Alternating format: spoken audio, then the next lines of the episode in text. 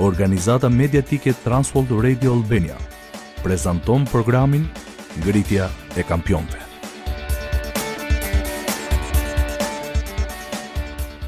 Ekziston një shprehje: Kur gjërat vështirësohen, të fortët çajnë përpara. Por s'është gjithmonë kaq e lehtë. Dëgjoni këto fjalë nga dikush që po kalonte një moment shumë të vështirë. Frika dhe të dridhura më kanë sulmuar dhe tmerri më ka mposhtur. Prandaj kam thënë, ah sikur të kisha krah si një pëllumb. Do të fluturoja larg për të gjetur prehje. Ja, do të ikja larg dhe do të qëndroja në shkretëtirë. Këto janë fjalët e mbretit David në Psalmin 55.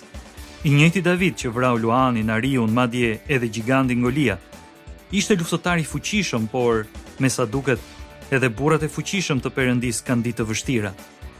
Atëherë, si duhet të reagojmë kur vetë ne kemi kohë sfiduese në jetë? Mirë se vini në programin Ngritja e Kampionëve. Unë jam Albani dhe me mua është Pjerini. Fakti është se edhe burrat e krishterë do të kenë ditë kur puna, gruaja, fëmijët apo vetë jeta do t'u duken jashtë kontrollit. Mund të tundohemi edhe ne të fluturojmë tej, siç shkroi Davidi, por sot do të shohim se si u përgjigjet burri i perëndishëm trysnive të jetës. Ndaj qëndroni me ne në programin Ngritja e Kampionëve.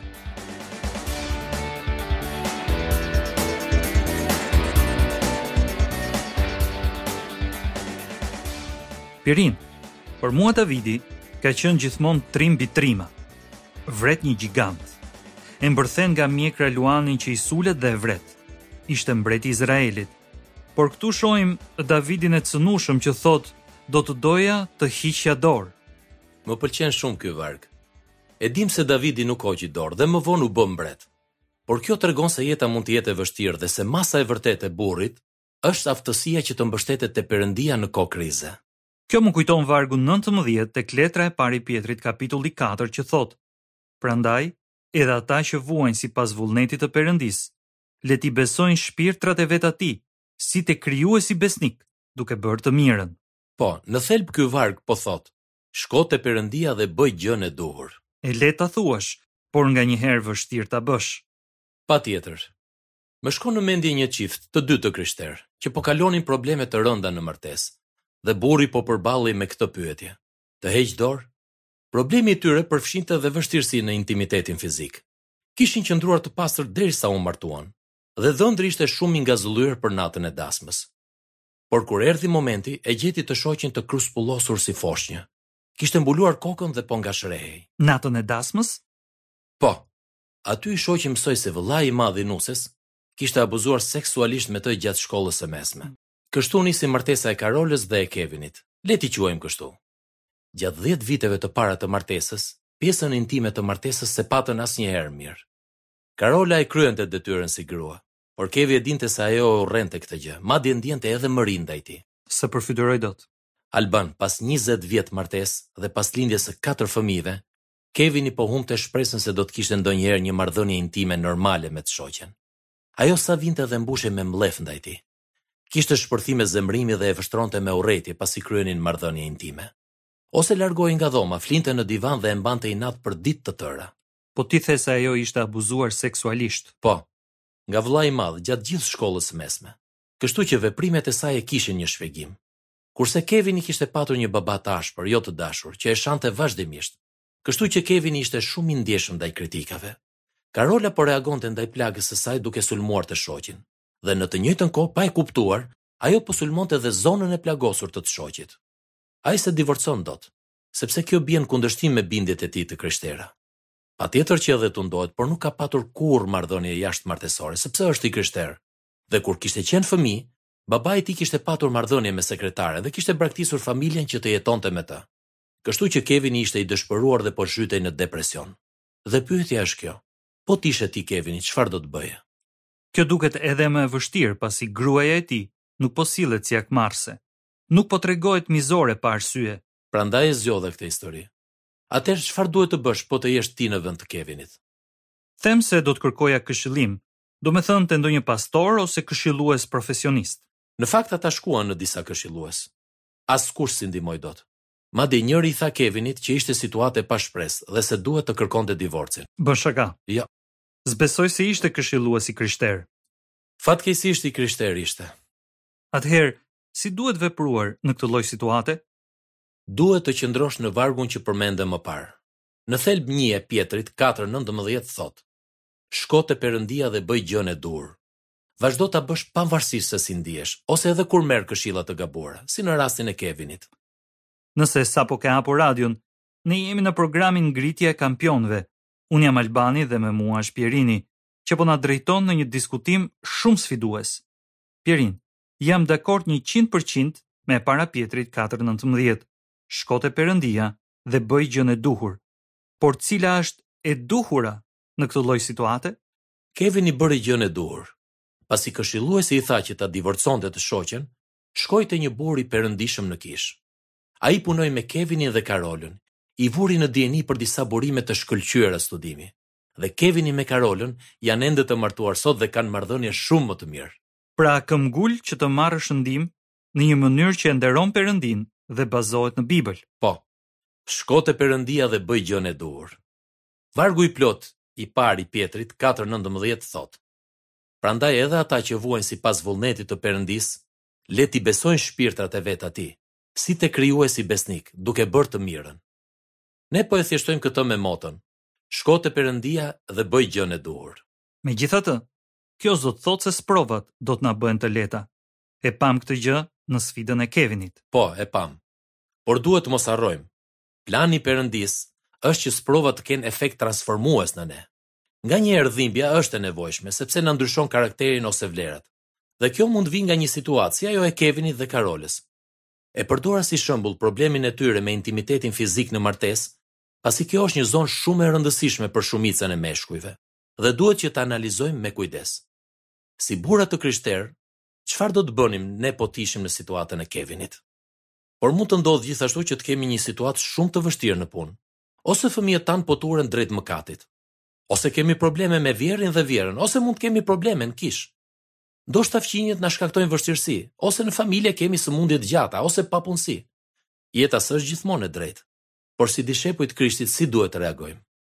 E di se nganjëherë burrat, madje edhe burrat e krishterë, reagojnë ndaj trysnive duke u bërë idhnakë, abuzojnë me alkoolin ose marrin drogë, shohin pornografi, ose kanë marrëdhënie jashtëmartesore.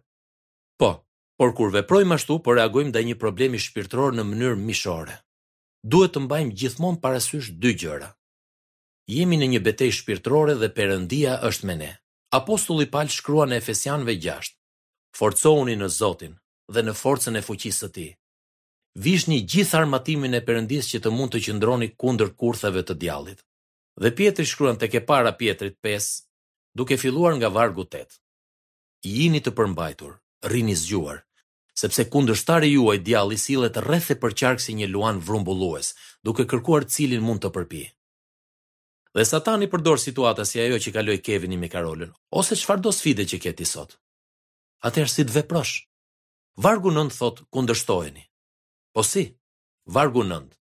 kundërshtoheni duke qëndruar të patundur në besim, sepse e dini se të njëjtat vuajtje po i heqin vëllezërit tuaj të shpërndarë nëpër botë. Miku im, mbase ti po kalon një situatë aq të vështirë saqë askush prej nesh s'e përfytyron dot. Dhe ndihesh i vetmuar, je lodhur së bëri gjënë e duhur dhe dëshiron të heqësh dorë. Por merr zemër dhe qëndro i përqendruar në Zotin, sepse vargu dhjetë thotë kështu, Dhe Perëndia i çdo hiri, i cili ju thirri, dhe dua të ndalem këtu. Miku im, Perëndia të ka thirrur që t'i shërbesh në situatën ku ndodhesh. Mos e harro këtë. Dhe mos harro, vargu dhjetë, Dhe Perëndia i çdo hiri që ju thirri në lavdinë e Tij të përjetshme në Krishtin Jezus, mbasi të keni vuajtur për pak kohë, do t'ju bëjë të përsosur Ai vetë, do t'ju bëjë të patundur, do t'ju forcojë dhe do t'ju vërë themel. Fjalë shumë inkurajuese. Po, Kur tundohemi të heqim dorë ose kur lejojmë që të na vënë përposhtë nevojat dhe dëshirat, dy gjëra kanë ndodhur. I kemi hequr sytë nga Perëndia dhe po shohim vetëm situatën ku ndodhemi. Dhe i kemi hequr sytë nga të tjerë dhe po përqendrohemi vetëm tek vetja jonë. Që të kthehemi te situata e Kevinit dhe Karolës. Kevini duhet ta kuptonte Karolën dhe t'i vinte nevojat e saj përpara të tijave. Ndërsa ajo duhej t'i përkushtohej me ngulm shërimit nga abuzimi i së kaluarës, në mënyrë që ta donte vërtet veten dhe të shoqin. Ne si burra kemi mundësi zgjedhjeje. Mund të vendosim të jemi të ashpër ose idhnakë me gruan ose me fëmijët, me shefin, me bashkëpunëtorin apo me fqinjin. Ose mund të vendosim që të shkojmë tek Perëndia dhe të bëjmë gjënë e duhur. Por për të bërë gjënë e duhur, kemi nevojë për fuqinë e Perëndisë. Dhe për të marrë fuqinë e Perëndisë që të këmbëngulim ose që ta mposhtim vuajtjen, është e nevojshme të kemi një marrëdhënie personale me të. dhe kjo është e mundshme vetëm nëpërmjet Jezu Krishtit. Ashtu është. Bibla e thotë shumë qartë. Tek e para e Gjonit pesë, vargjet njëmbëdhjetë dhe dymbëdhjetë thotë, Dhe dëshmia është kjo, Perëndia na dha jetën e përjetshme dhe kjo jetë është në Birin e tij. Ai që ka Birin ka jetën. Ai që nuk ka Birin e Perëndisë nuk ka jetën. Vetë Jezusi tha, Unë jam udha e vërteta dhe jeta. Askush s'vjen tek Ati përveçse nëpërmjet meje. tek Gjoni katërmbëdhjetë gjashtë. Por ti mund të thuash, Dakord, Pjerin, unë besoj në Perëndinë. Jakobi dy, nëntëmbëdhjetë thotë, Ju besoni se Perëndia është një. Mirë bëni. Edhe demonët besojnë, dhe dridhen. Por demonët nuk e kanë rrëfyer Jezu Krishtin si Zot dhe Shpëtimtar. Nuk janë përkushtuar që ta ndjekin gjithë jetën e tyre. Atëherë, miku im, pyetja është, Po ti, a e ke marrë këtë përkushtim? Mos po përpiqesh ta kalosh vuajtjen me forcat e tua? Po përpiqesh të jesh burrë i Perëndisë pa Perëndinë? S'ke pse e bën. Bibla thotë, sepse po të rrëfesh me gojën tënde Zotin Jezus dhe po të besosh në zemrën tënde se Perëndia e ngjalli prej së vdekurish, do të shpëtohesh. Sepse me zemër njeriu beson në drejtësi dhe me gojë bëhet rrëfim për shpëtim. Në fakt, kushdo që do ta thërrasë emrin e Zotit, do të shpëtohet. Tek Romakëve dhjetë, nëntë deri në dhjetë, trembëdhjetë. Miku im, Të gjithë ne këtu në programin Ngritja e Kampionëve të ftojmë që t'i rrëfesh mëkatet, të pendohesh për to, ta pranosh Jezus Krishtin si Zot dhe Shpëtimtar dhe të rrëfesh se je dishepulli i Tij gjithë jetën. Lutemi që sot t'i kesh hedhur këto hapa dhe kur ta pranosh Jezu Krishtin si Zot dhe Shpëtimtar, të lutem na kontakto këtu në programin Ngritja e Kampionëve me anë të faqes sonë championsarise.org. Na trego si mund të festojmë me ty. Ky është festim edhe punë. Si i krishterë ke nevojë të jesh pjesë e një grupi besimtarësh, që të mund të të inkurajojnë të luten me ty dhe të të mbajnë të përgjegjshëm ndaj fjalës së Perëndisë. Ndaj është e rëndësishme ta njohësh fjalën e Perëndisë. Dhe këtë do ta bësh duke lexuar Biblën çdo ditë. Me kalimin e kohës, ke për të mësuar vargjet si Galatasve 6:9. Le të mos lodhemi duke bërë të mirën, sepse në stinën e duhur kemi për të korrur nëse nuk dorëzohemi. Miku im, Kevini dhe Karola nuk u dorëzuan. Dhe unë besoj se Perëndia po kërkon burra që të jenë gati ta ndjekin. Pavarësisht çdo sfide ose sikleti që mund t'u dalë përballë. S'duhet të kthehen pas. Sepse masa e vërtetë e burrit është mënyra si reagon ai ndaj sprovave. Kur të përballesh me situata të vështira që të bëjnë të dorëzohesh, të tradhtosh ose të bëhesh idhnak, hidhja të gjitha shqetësimet Perëndisë, sepse Ai kujdeset për ne. Burra, unë dhe Pierini shpresojmë që e kuptoni se masa e vërtetë e burrit të Perëndishëm nuk është pasuria, pozita apo arritjet e tij. Masa e vërtetë është reagimi i tij në sprovat e jetës. Miku im, me çfarëdo situate të jesh duke u përballur, të inkurajojmë që të shkosh te Perëndia dhe të bësh gjënë e duhur.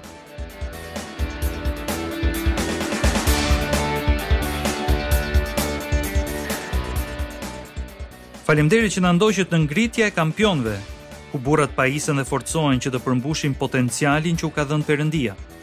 Sot diskutuam për masën e vërtetë të burrit të perëndishëm.